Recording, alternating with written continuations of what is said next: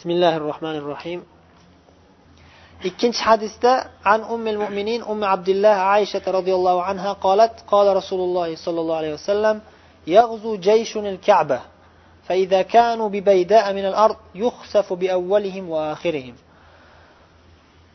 قالت يا رسول الله كيف يخسف بأولهم وآخرهم وفيهم أسواقهم ومن ليس منهم قال يخسف بأولهم وآخرهم ثم يبعثون على نياتهم متفق عليه وهذا لفظ البخاري bu hadisda ham niyatga ishora bor niyatni ahamiyati bayon qilingan bu hadisda ham bu yerda o'zi aslida kelajakda qiyomat alomatlaridan biri bo'lgan kelajakda ro'y beradigan voqealardan birini rasululloh sollallohu alayhi vasallam xabar beryaptilar qisqa suratda o'shanda ham niyat o'sha paytda bo'ladigan voqeada ishtirok etadigan odamlarni ham niyati har xil bo'lganligi uchun oqibati har xil bo'lishini xabar beryaptilar. Oysha onamiz umul mo'minin roziyallohu anhu rivoyat qildilar. Rasululloh sollallohu alayhi vasallam aytdilar kabani kabatullohni shunday bir lashkar askarlar bostirib keladi. Kabaga hujum qilib keladi. Shu yerda yurib kelishayotganda bir baydo bir katta bir e, keng joyga kelishganda bir katta bir maydonga yetib kelishganda ana shu bostirib kelayotgan lashkarlarning avvaliyu oxirini hammasini yer yutib yuboradi. Zilzila bo'lib yer yorilib yerga ko'milib yo'q yo'q bo'lib ketadi. Hammasi o'lib ketadi. Boshidan oxirigacha. Shu ma'noda ya'ni. Qolat ya rasululloh shunda oysha onamiz roziyallohu anho so'radilar ey rasululloh qanday qilib ularning hammasini bunday jazo bilan jazolanadi? Xuddiki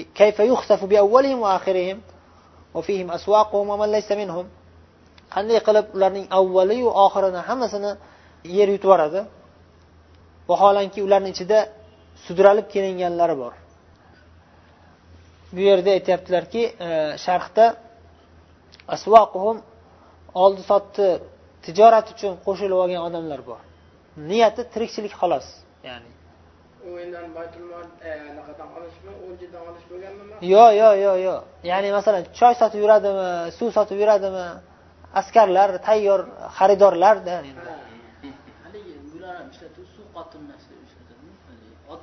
oddiy odamlar urush maqsadida ketmayapti.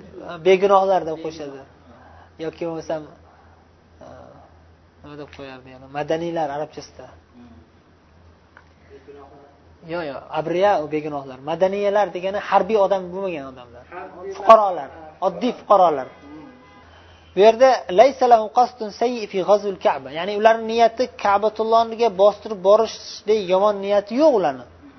Tirikchilik faqat. O'zi aslida joiz emas bu ham. Ya'ni kofir zolimlarga narsa sotish joiz emas lekin johillikdan bu.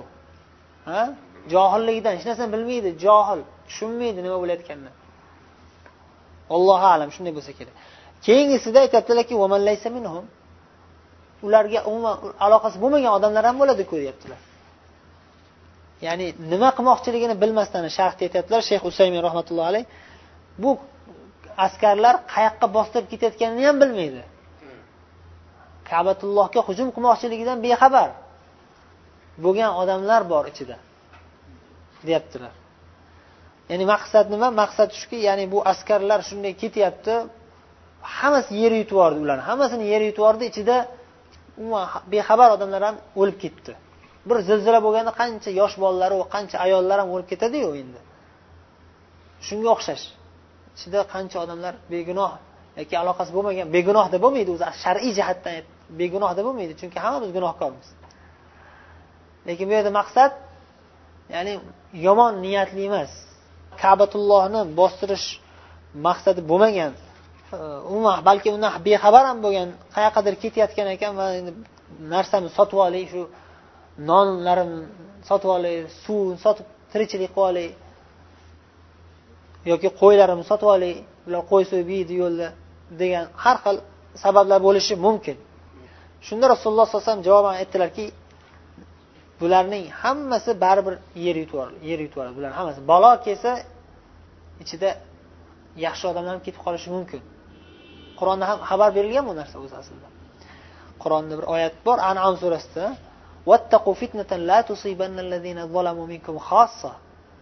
ya'ni faqatgina zolimlargagina yetadigan emas hammaga yetadigan fitnadan ehtiyot bo'linglar. Hammani boshiga tushadigan fitnadan ehtiyot bo'linglar. Bir balo kelsa faqatgina zolimlarni o'ziga emas hammaga keladi. Hammani boshiga boshiga tushadi. Ya'ni bu dunyoviy jihatdan. Dunyoviy jihatdan o'zi chunki nimaga unday bo'ladi desangiz chunki bu dunyo bu imtihon dunyosi alloh taolo kimnidir uzoq yashashini xohlaydi. Uzoq umr beradi kimgadir. Kimnidir yoshligidan o'ldirib qo'yadi kimnidir ko'r qilib qo'yadi kimnidir shal qilib qo'yadi. Har kimga har xil imtihon bo'ladi. Shunday bir balo kelib zilzila bo'lib hamma o'lib ketsa ya'ni bu allohni taqdiri imtihoni bu. O'zi bu dunyo boshidan oxirigacha hammasi imtihon. Shuning uchun aytyaptilar rasululloh alayhi vasallam oysha onamiz savollariga javoban yuxsafu bi avvalihim va axirihim ularni avvali va oxiri hammasi yer yutib yuboradi asosiy farq asosiy ajrash oxiratda bo'ladi. Ala niyatihim. Niyatlariga qarab qayta tiriladilar. Demak bu yerda ham inson shunday holatlarga tushib qoladiki ya'ni bir hadisdan oladigan foydalardan biri. Siz zolimlarni orasiga kirib qolasiz qutulib chiqib ketolmaysiz. Shunday bir jamiyatga tushib qolasizki fasod ko'p. Ko'chaga chiqsangiz harom narsalarga ko'z tushmasdan ilojingiz yo'q bo'lib qoladi. Harom muzikalar u yoqdan bu yoqdan eshitilib qolib qulog'ingizga kirib qolishdan boshqa chora qolmaydigan holatga tushib qolasiz. Ba'zi bir mazlum odamlar o'zini diyorida qatl qilinishidan qo'rqib hijrat qilib kofir diyoridan joy topadi boshqa joydan joy topolmay qolib kofir diyoriga ketib qoladi. U kofir diyorida har xil musibatlar bor har xil fitnalar bor. Demak ana shunday joylarga tushib qolgan odam niyatini baribir tekshirib ehtiyot bo'lib tursin. Sizni o'z ixtiyoringiz bilan bo'lmagan narsa bilan alloh sizni jazolamaydi. Asosiy gap niyatingizda. Niyatingizni xolis qilishga harakat qilavering doimo. وعن عائشة رضي الله عنها قالت قال النبي صلى الله عليه وسلم لا هجرة بعد الفتح ولكن جهاد ونية وإذا استنفرتم فانفروا.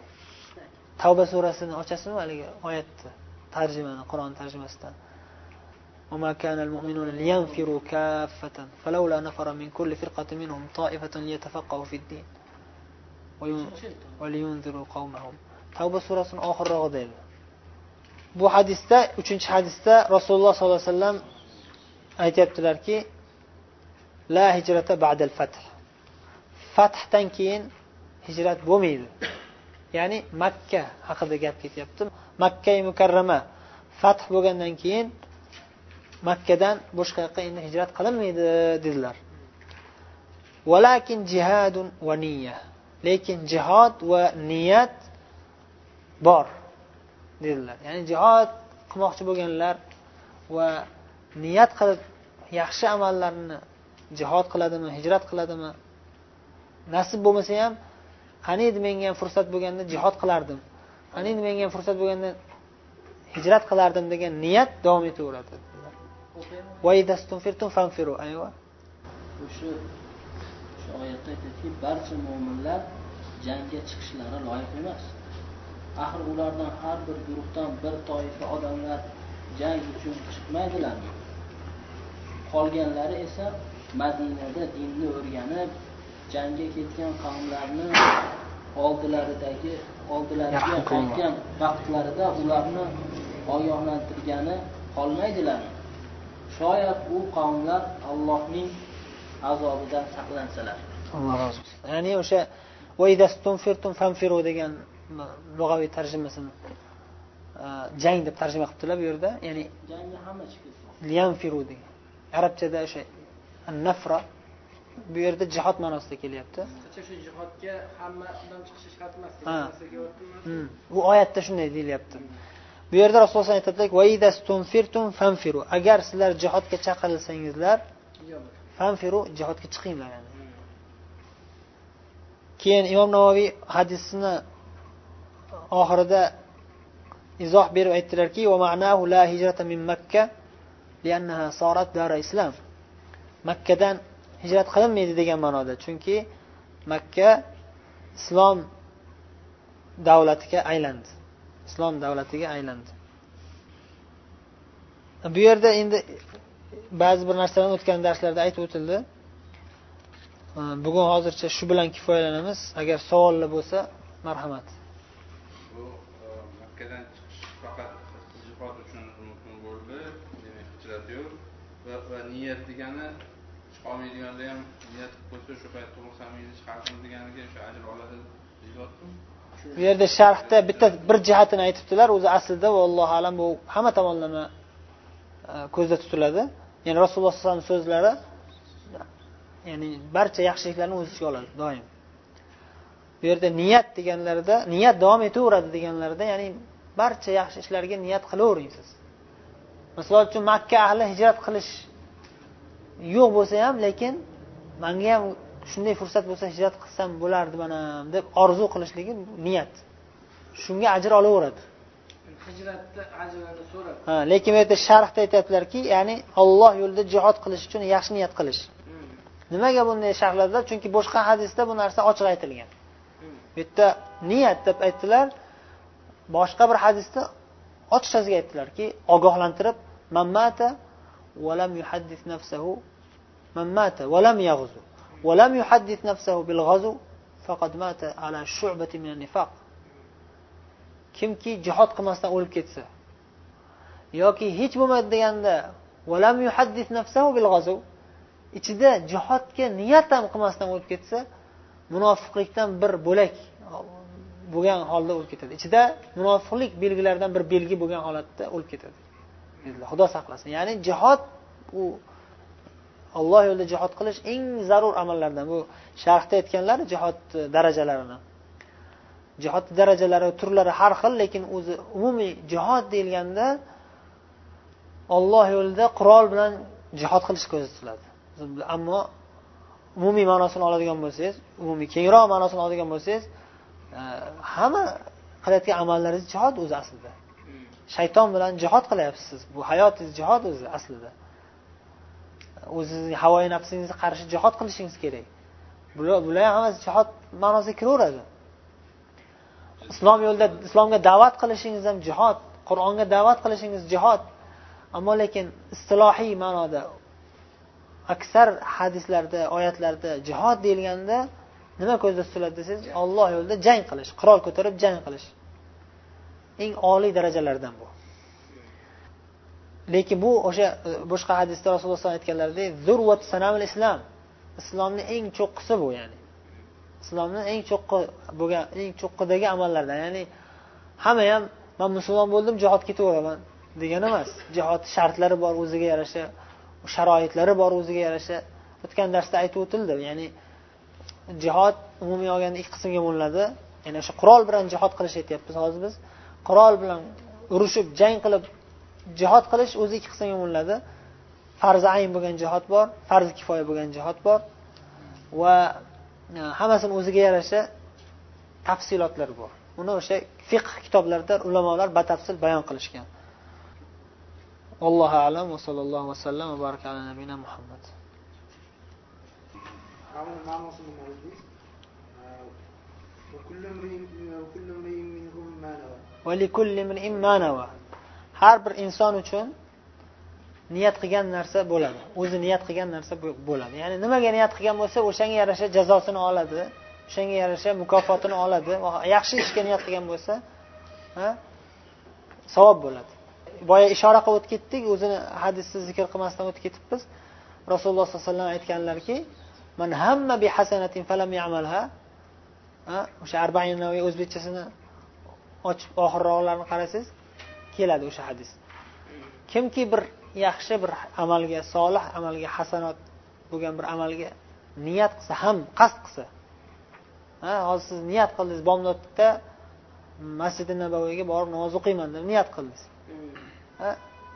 Lekin bomdodga jamoatga zo'rg'a ulgurib qoldingiz o'zingizni mahalla masjidga. Haramga borolmadingiz. Lekin o'sha kechqurun qilgan niyatingizga savob olaverasiz. Hasana. Bitta savob yoziladi. Bitta niyat qildingizmi yaxshi niyat qildingizmi o'sha niyatingizga savob beriladi.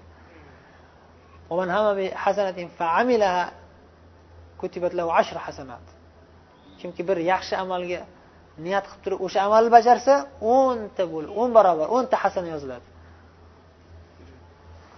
E, lekin buni aksichi hadis davomida aytdilarki kimki bir yomon narsaga niyat qilib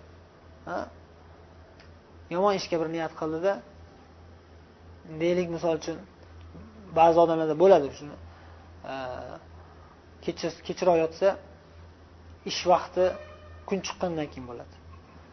Soatni budilnik deb qo'yadiyu uyg'otadigan budilnikni bomdodga qo'yaymi ish vaqtiga qo'yaymi bomdod qilib qo'ysam uyqu kam bo'lib qoladi.